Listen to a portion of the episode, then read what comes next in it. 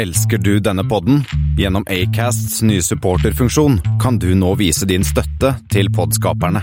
Det er helt opp til deg hvor mye du ønsker å bidra med. Klikk på lenken i podbeskrivelsen for å støtte podkasten.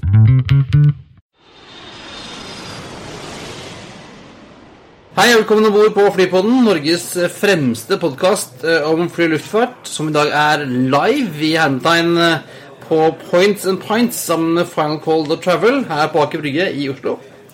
Det er blitt 14. mai, solen skinner, og det er eh, øl i glassene hos en del, ser jeg. Og i, eh, ved mikrofonen sitter som vanlig Thomas Lone. og Kristian Kammer. og her har vi en gjeng med nerds rundt oss, eller hva? Ja! Her sitter vi jo i, i en, et, et varmt kjellerlokale med en uh, 30-talls uh, likesinnede. Ja, en god del flykunnskap samla i ett lokale. Vi skal ha en litt kortere, men ikke desto mindre interessant uh, sending i dag. Ja, Vi har to gjester. Vi har eh, først og fremst så har vi Erling Stausland fra Final Call Travel. Og så, som er dagens vert, og som har eh, organisert denne samlingen. Og så har vi med oss også Gonzalo Pullefor, som er salgssjef for Aeroflot her i Norge. Han skal jo fortelle litt om uh, Aeroflot og hva som skjedde med det selskapet siste. Ja, det gleder vi oss til å høre på. Ja.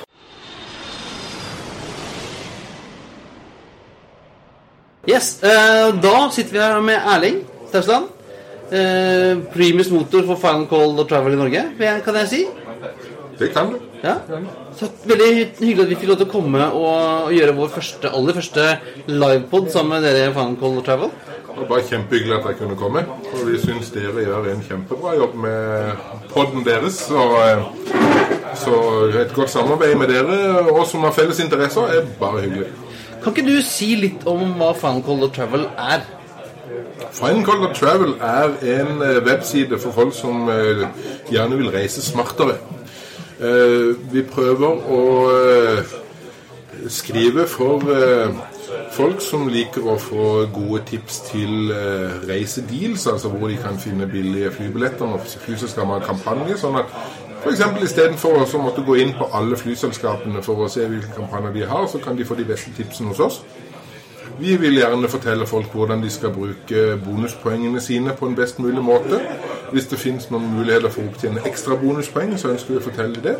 Og så ønsker vi å teste ut både flyturer, hotellovernattinger og leiebiler. For å kunne gi folk en god opplevelse i forhold til hva de skal velge neste gang de er på tur. Altså hjelpe de til å travel smarter, som de sier. Ja, Det er jo en nettside med nyheter fra flybransjen. Og det er liksom, du sier, mye tips om hvordan man skal reise smartere. Og så er det jo en, en podkast fra Danmark, i hvert fall. Ja, Flemming eh, som er redaktør i eh, Final Call i Danmark, han lager sin egen podkast. Vi er ikke kommet der eh, fordi at dere lager jo egentlig en utmerket podkast som, eh, som ikke behøver konkurranse, føler vi, så, så det går helt fint. Og Ja, eh, Du nevnte litt i forhold til at du ønsker, ønsker at folk skal reise smartere og gjerne bruke bonuspoengene sine smartere og opptjene mer bonuspoeng. Men eh, du da, Erling, personlig, har du noen gode tips? Hva er dine favoritter hvis du skal bruke bonuspoengene dine? Du, hvordan man bruker bonuspengene er jo faktisk et eh, Ja, litt i forhold til hva som gir deg verdi personlig. Ja, Ehm, hvis man må bruke 20 000 poeng på en flybillett som hadde kosta 1000 kroner, så syns jeg kanskje ikke det er fornuftig bruk av bonuspoengene. Hvis du derimot står og må i en begravelse i Kirkenes, og billetten koster 7000 kroner, og alternativet er å bruke 1000 kroner, en, unnskyld, 10 000 poeng på en bonusbillett, så er det en veldig godt bruk av bonuspoeng. Selv syns jeg jo at å bruke bonuspoengene på å reise på business class, eller first class hvis man har så mange poeng ute i verden, er en meget god måte å bruke poengene på. Fordi at da får man jo gjerne en opplevelse som man ellers ikke hadde fått.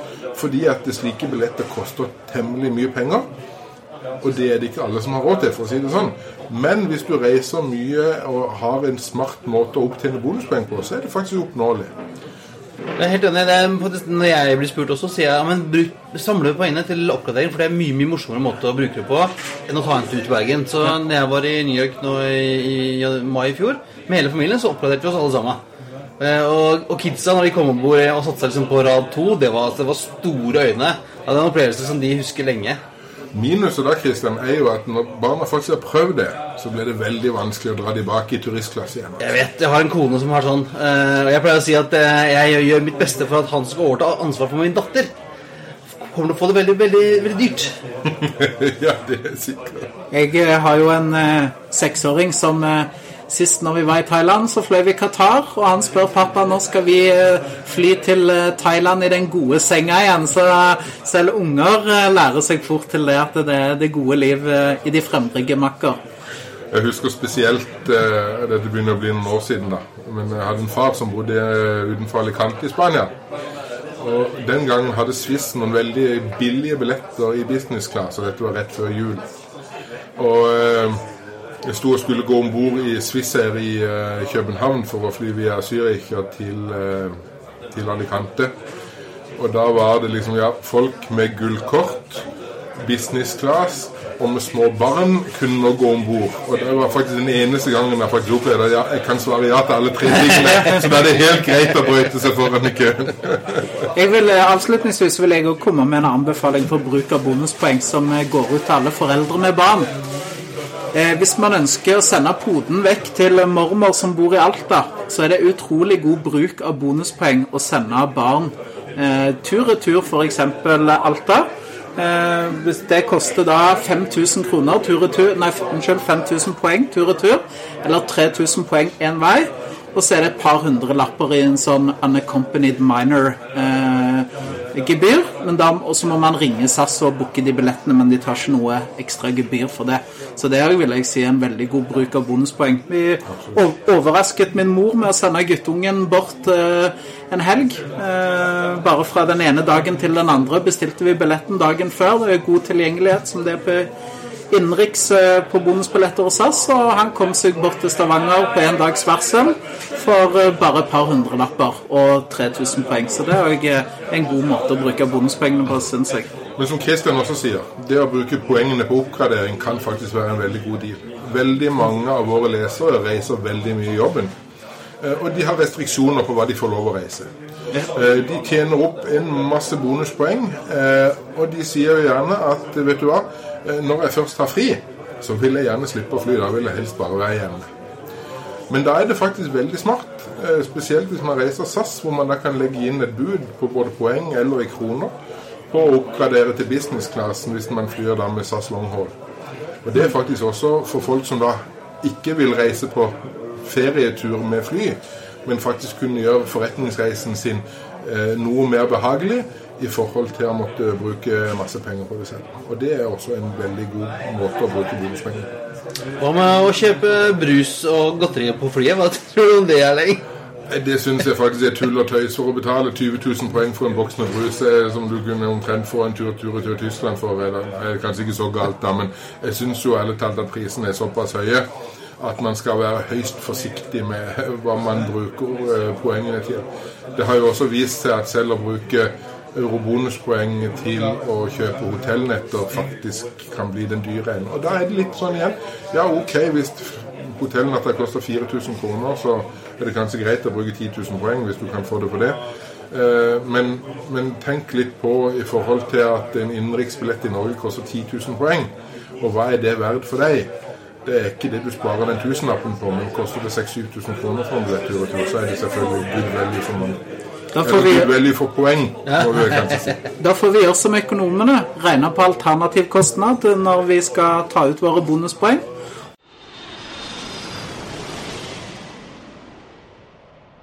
Vi har eh, et par, et par spørsmål også til Flybånden. Eh, og en ting jeg har lurt på, Gonzalo, og det er sikkert mange som lurer på eh, Hvorfor har dere fremdeles hammer og sigd i logoen? Det er litt som om Lufthansa skulle hatt hakekors på halen, er det ikke det? Du ser det med vestlige øyne, for, å si det sånn. Sagt, i Russland eh, De er jo superstolte av fortida si. De er veldig patriotiske. Eh, og da tror jeg det er en symbol, en logo, som er et merkevare navn, som, som blir anerkjent. oss, og, og som noen også nevnte, vi er det eldste flyselskapet i verden som alltid har kjørt med samme logo. liksom. Så da tror jeg med, med litt med tradisjoner og, og det der stoltheten og patriotisme som russerne har. Som det er vanskelig å forstå for oss, fordi vi ser det som noe, bare noe negativt. Men eh, de fleste russerne er eh, fornøyd med situasjonen, faktisk. Og de digger han Putin, da. Det er, det er helt utenkelig for oss. Jeg må jo si det. det, det, er jo dette faktisk helt sant. Den første tingen jeg kjøpte på eBay på begynnelsen av 2000-tallet, det er en genser, og den har jeg hjemme ennå. Han er litt for liten, men eh, jeg har, aldri kasta den. Det var en eh, Aeroflot-genser. Okay. litt Sånn hettegenser. Så eh, den gikk jeg med hele ungdomstiden, var flynerden. Så Jeg har faktisk en oransje T-skjorte med Aeroflot. Den passer fremdeles, da, faktisk. Det er. Det- Den er fin, den. Um, og så en ting som vi spurte når vi hadde, I forrige uke så møtte vi um, eh, Martin Langås, som er sjef for Cargo på OSL. Så spurte vi han eh, hvordan, hvordan havner du i den jobben du havna i. Eh, og det kunne spørre deg altså, hvordan, eh, hvordan havner man i en fly... eh, En, en jobb, drømmejobben som salgssjef for flyselskap? Det var litt morsomt eh, at du spør, for altså, i, vår, i vår bransje, som i de fleste bransjer, så handler det om nettverk og kontakter og å ha et godt navn og alltid liksom være profesjonell ikke sant? Og, og føre seg og i det hele tatt. Så det var en tidligere kollega i KLM som jobbet eh, for eh, KLM i Stockholm, som sluttet der og begynte å jobbe som sagsjef for Aeroflot i Sverige. Som eh, ga navnet mitt til Aeroflot, og de approacha meg gjennom eh, faktisk. Tok første kontakt Munken. eh, sa de hadde hørt om meg og, og lurte på om jeg var interessert. Og så sa jeg selvfølgelig interessert i å høre hva de hadde å tilby. Eh, jeg hadde et veldig trygt og godt jobb i KLM på den tida. Jeg kan manager der. Det er superfint. Jeg var på studietur stadig vekk i både Rio og Sør-Afrika. Ja, jeg sett. Ja, det var kanskje derfor jeg skilte meg. Tilbake til det. Men det, det er noe annet. Ehm, ja, så fikk jeg spørsmål, så var jeg på første gangs intervju. Og det gikk superfint, følte jeg. Og så fikk jeg et tilbud som var egentlig akkurat det samme som jeg hadde i KLM. Som pengemessig, liksom. Og da sa jeg nei takk. Det, det er ikke aktuelt. Vi skal bytte for noe som er trygt og godt og kjent og komfortabelt og i det hele tatt. Så, så må jeg ha litt mer å tjene på. Og så kom det med nytt tilbud med litt mer lønn og bonus i tillegg, som jeg nevnte i stad. Som var selvfølgelig motiverende, og som eh, Med bakgrunn på at Aeroflot aldri har vært synlig i Norge.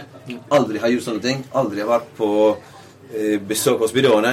Bjørnar, du jobber i HRG, du kjenner byråene. Vi har aldri hatt noe besøk av HRG, um, Aeroflot noen gang noensinne. Selv om vi har hatt kontor i Norge i 30 år. Så jeg så for meg at dette er jo bare å legge to pluss to, liksom. Med en gang du begynner å jobbe, med en gang du, du begynner å sette i gang og promotere, så skjer det ting. Med, også med den bakgrunnen, de, den informasjonen jeg hadde henta for å, for å takke tak til jobben. Og jeg visste jeg hadde en ny flott, og, og appen kom inn og satsa skikkelig. Det var også en, en strategi til det flott å, satse på å bli sånn hub airline og finne å frakte folk via Moskva ut i verden. Og en strategi var å ansette en person som kjente lokalmarkedet, selv om ikke er norsk. Eh, Så hadde jeg jobbet mange år i KLM, kjente bransjen, kjente byråene, hadde kontakter, nettverk osv. Så, videre. så så gjorde det ting mye enklere for meg. da, selvfølgelig. Du har tillit fra før. Salg handler om tillit. Alle som, dere som driver med salg. Du må inspirere tillit. Du må bare snakke til folk og si at det her er noe du kan kjøpe av meg, fordi du stoler på meg. Og det jeg sier til deg, er sant. Jeg tuller ikke med deg. Og da funker det. liksom. Og det, det hadde jeg allerede vunnet fra før. Heldigvis. Mm. Kan du si noe om hvem er den typiske Aeroflot-kunden fra Norge? Og Um, hvor flyr han?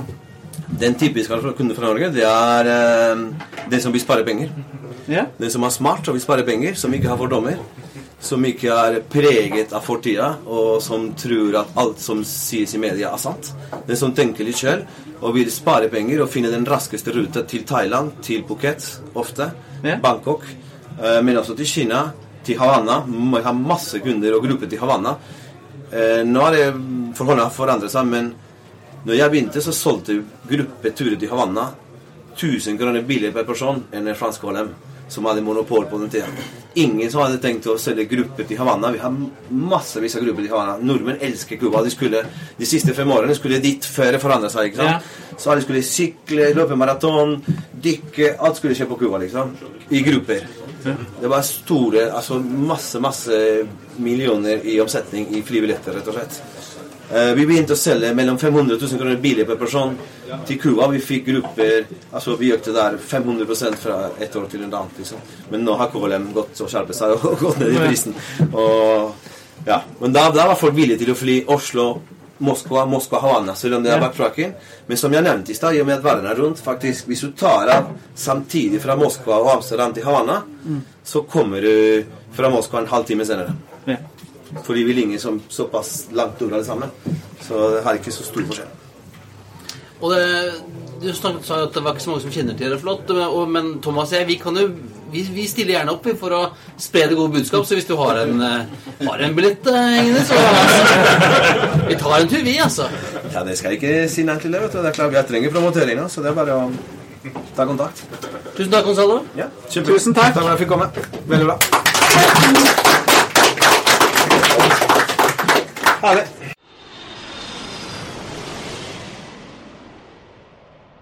Ukens anbefaling det er finalcall.travel. Ønsker du å reise smartere, ønsker du å få bedre innsikt i hvordan du kan eh, få en bedre ferietur eller forretningsreise, klikk deg inn på finalcall.travel. Det var jo alt for i dag. Så vi eh, ser som folk her i salen begynner å bli både tørste og litt utålmodige til, til stille, Thomas. Så vi får vel bare gå inn for landing og si at som vanlig så er vi tilbake med en vanlig sending i løpet av uka. Ja, det er vi. Og du finner alt eh, om dagens eh, sending på flypodden.no. Vi fins på Twitter og på Instagram også, på atflypodden. Og på facebook.com slash flypodden. Takk for nå, og velkommen om bord neste gang. With us today. We truly appreciate your business and look forward to serving you on a future flight.